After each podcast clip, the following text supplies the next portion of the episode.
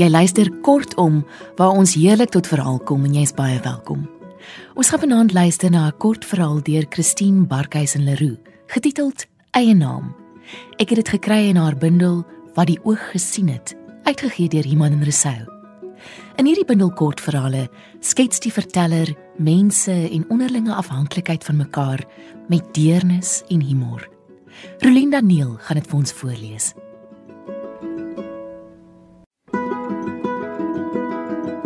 Toe sy terugkom, staan haar ma voor die venster. Sy kyk weg, verder as die muur om die huis.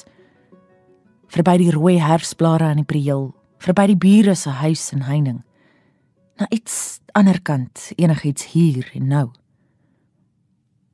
Sy gooi water in die ketel en haal twee koppies en puddings uit die kas. Van die met die rosies op, waar hulle nooit drink nie. En die lepeltjies met die silwer duifies aan die bokant. Mamma sal lus wees vir haar spesiale tee, sterk met baie melk. Skout. Die eerste winterreën het vanoggend begin val toe sy die klomp straatblokke afgestap het na binlandse sake. Sy het haar warm baadjie behoore dik trui aangetrek en 'n serp omgegooi. Die temperatuur op die televisie se weerprogram is nie so laag nie. Maar in haar are was daar ys. Sy moes dit doen. Maar hoe seker sy ook al daarvan was, vanoggend het die kleur van haar ma se oë op die nat teer aanhoudend na haar toe teruggekaats. By die derde straatblok was sy omdraai, maar sy het deurgedruk. Sy moes 'n einde maak aan die gevoel van miskenning wat sy al jare in haar omdra. 2 maande gelede het dit weer gebeur. Een van haar ouma se susters en 'n vriendin het die middag by die huis opgedaag met 'n bos blomme vir haar ma in haar bygedam het. "Jannering net Marie, maar jy het so groot geword, kind." "Ek is nie Marie nie." Het sy kort afgesê en na haar kamer toe geloop. Die hele tyd het sy daar gebly. Die musiek so hard gesit dat sy die mense se gepraat en praat nie kon hoor nie. Ook nie toe haar ma vir ete kom roep, het sy uit die kamer gekom nie. Sy sou nie toegee aan haar gewete wat bly knaag het omdat haar ma alles alleen vir die gaste moes doen nie. Laat hulle opsnork, ewige droewige familie wat elke jaar opdaag om almal te herinner aan die vroeg gestorwe kind. Hulle en haar ma en pa daarbey. Dat hulle na al die jare nog steeds net verby haar kon kyk. Net die oppervlak van 'n lyf kon sien en onmiddellik die vervanging kon maak. Sy was moeg af voordat mense haar verkeerd aanspreek. Moeg om die tweede lekkerste koekie in die blik te wees. Sy was oud genoeg. En om jou naam te laat verander kos nie baie nie. Dit het sy lank gelede al uitgevind. By binnelandse sake was 'n lang ry mense, maar sy het nie omgegee nie. Sy het baie tyd gehad. En sy het haar geskiedenisboek saamgebring om te leer vir die toets wat hulle die volgende week moes skryf. Toe hulle uiteindelik binne was, was daar 'n paar rye stoele. Dit was benoud van al die asems. Van die geroesemoes van mense wat met die groen ID-boeke in die hand hul beurt afgewag het. Mense wat wou emigreer, mense wat sterftes wou aangee, geboortes registreer, paspoorte wou kry of later nie. Mense wat so het gevoel haar vreemd aangekyk het. Vir wat was sy nou hier in die ry kom sit? Sy mors net hulle tyd. Hierdie groen boekie moet jy altyd by jou hou. Het haar pa gesê toe sy dit die dag deur die pos gekry het. Dis jou tweede jy. Nee. Het sy gedink en hom amper teruggeantwoord. Ek is al reeds 'n tweede ek. Of eintlik 'n tweede Renet Marie. 'n Vervanging vir die ander een, die heilige. 'n Skuldige gevoel omdat sy so wrevelrig was. Op die stoel langs haar het 'n ou man met 'n verslete baadjie en hoed gesit. Hy het na tabak geruik en sy hemse kraag was vuil. Die walm rondom hom het haar 'n bietjie na oupa laat dink. Die rook reuk wanneer hy haar gegroet het wanneer hulle kom kuier. En die waterigheid in sy oë, die sakdoek wat hy uitgehaal het om sy neus te sny. Hy tog. Dan het hy weggedraai. Maar sy het sy woorde uit haar kop geken. Jy lyk dan op 'n druppel. Aan haar ander kant het 'n jong vroutjie, 'n meisie nog, met 'n pap babetjie gesit. Kind se gesiggie was rooi en die mondjie op 'n tyd. Die ma het gaan nie eintlik aan die baba gesteer nie, net voor haar gesit en kyk met 'n leë uitdrukking op haar gesig. Asof die kind in haar arms 'n toevallige ekstra ledemaat was. Hoe sou haar ma gelyk het toe haar tweede kind gebore is? Was sy wat Renet is ooit beplan? En indien wel, was sy van die begin af maar bedoel om net 'n instaan kind te wees. Die mure van die vertrek was 'n dowwe groen. Die vloer was houtstroke, as dit regtig hout was. En die stoele was van wit plastiek. Teen die aluminiumrame wat brokkies dowwe lig ingelaat het in die vertrek, was 'n paar vet brommers wat aanhoudend ge het. Waar het die mense hier in die vertrek wat na stowwerige klaskamer ryk vandaan gekom? Waar is hulle gebore? Waar werk hulle? Waarna toe gaan hulle hier vandaan? Sy het gewonder of daar nog mense in die vertrek was wat so sy hulle naam wou verander. Sy kon nie indink hoekom iemand anders 'n nuwe naam sou wou hê nie. Sy was 'n totale uitsondering. Vandat sy verstand begin kry het, het sy besef sy's op 'n manier anders. So asof sy nie regtig net sy was nie, maar ook nog iemand anders. Twee mense wat in een se lyf ingedruk is. Wanneer haar ma kleintyd aangetrek het met die mooi valle en strikkies rokke, het sy dikwels gesug en haar so styf teen haar vasgedruk het sy moes sukkel om asem te kry. Sy wou lang broekies en toppies dra. Maar eers vandaan het 'n stem gesê sy moet stil bly. Wanneer sy uiteindelik met die prinsesrokkies voor die spieël gestaan het, het sy haar ma se gesig agter haar ook daarin gesien. Dit het gelyk of sy lag, maar Sy kon die huil van haar ma binne in haar eie keel voel. Toegegee, haar ma die een mens wat nooit haar naam verkeerd gesê het nie. En dis eers later, toe sy agterkom dat baie van die familie haar altyd Reinet Marie noem of net Marie, dat sy begin besef het dat iets regtig vreemd was. Sy was 6. Dit was net voor sy skool toe gegaan het dat sy die oggend by die kombuistafel gesit het. Haar ma was besig om patats te skil. In 'n oonpak het 'n paar stukke vleis wat sy wou gaar maak, bloederig in haar eie sous gelê. Dit het gevoel of haar maag bo in haar keel toe spring. "Mamma?" het sy gevra. "Is ek wat ry net is dan Marie ook?" Haar ma het die bak met die vleis raak gestamp soos sy na haar toe omgedraai het.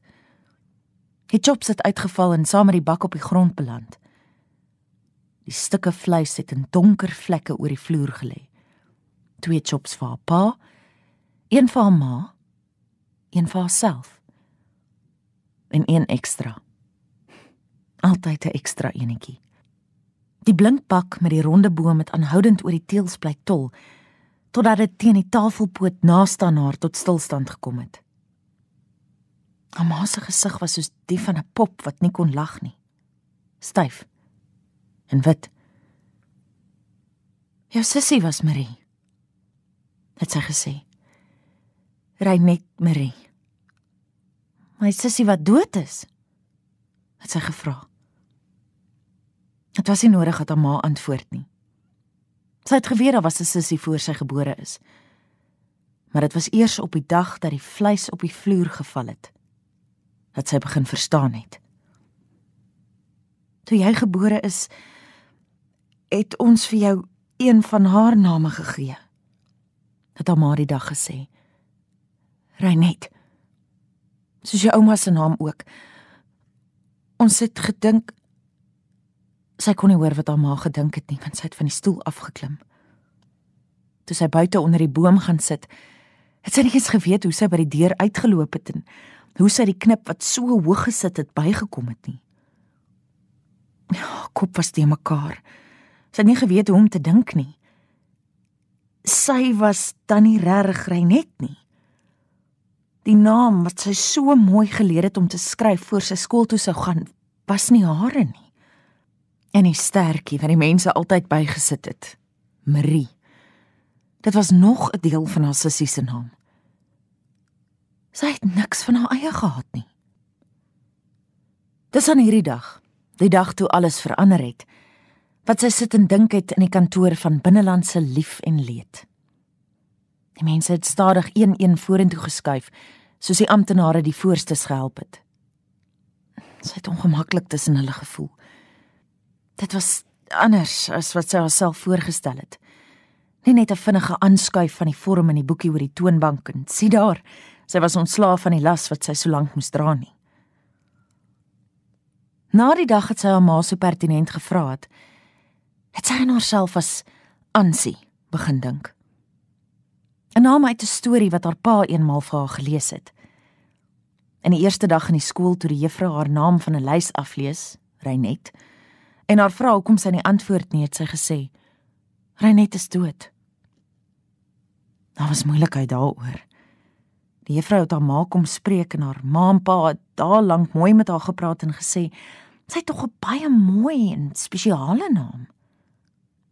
Maar sy wou nie Reinet wees nie. Veral nie by die skool nie. Daar het almal dit later aanvaar. Haar noemnaam was Ansie. Maar elke keer wanneer haar amptelike geleenthede soos sportverslaaf prysuitdelings was, was sy weer Reinet. Baie middag het sy op haar bed gelê en gedink, sy's nie regtig 'n mens nie. Gewens dat sy liewer die een kon wees wat dood is. Wanneer sy die dag 16 word, sou sy haar naam regtig kon verander. Dan sou sy haarself Ansie maak. Ansobel op papier. Die man langs haar het aan haar gestamp sodat sy moes opskuif. Sy het nou in die tweede ry van voor gesit. Daar was nog net 5 mense voor haar. Die mense rondom haar het gelyk of hulle ook nêrens hoort nie. Of hulle wanneer hulle by die glasdeur uitgaan, ergens op straat sou sit. Die vrou met die baba, die man langs haar. Waar hoort 'n mens nou eintlik? Het sy gewonder. Haar pa sou nou, soos ander Vrydae wanneer hy vroeg huis toe gekom het, die kar staan en was en onderlangs fluit. Haar ma het 'n nuwe prent skildery eintlik van lintborduurwerk begin. Sy sou daan sit en werk nadat die kombuis opgeruim is.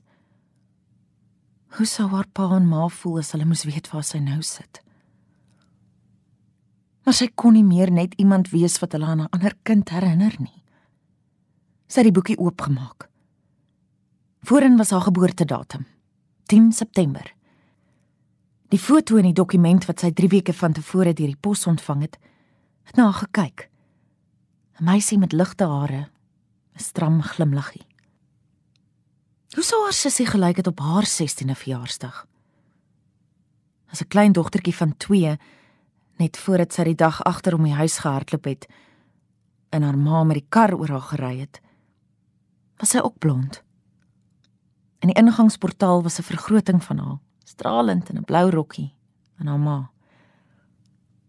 Sy sou nou 18 gewees het. Reinet Marie.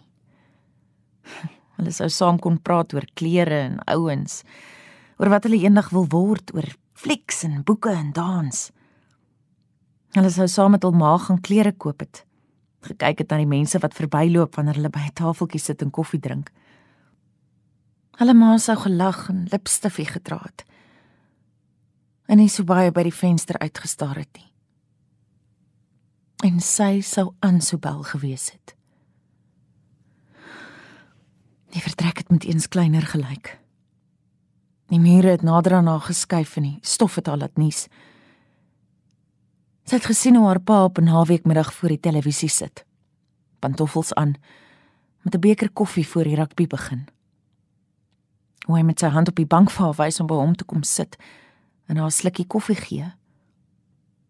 Haar ma sou om die hoek loer, haar gesig gloeiend van voor die stoof staan en pannekoek te bak. Die onderste een met die baie suiker is joune, hoor hy net. Die man langs haar het weer aan haar gestamp. Dis nou jy, hulle het jou al geroep. Sy het opgestaan. Die vorm het uit haar hand gegly en die ID-boekie het ook geval. Jammer, het sy vir die vrou by die toonbank gesê en die goed van die vloer af opgetel. Sy het 'n tree vorentoe gegee en toe gaan staan. Van eers het 'n kaneelreuk gekom. so sterk dat dit haar oë laat traan het.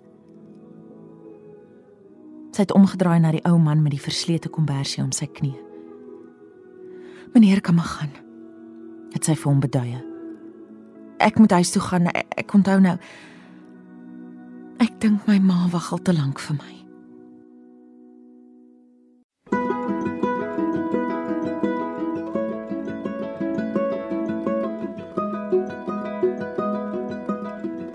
Ons het geluister na Eie Naam deur Christine Barkhuizen Leroux, voorgeles deur Rolien Daniel.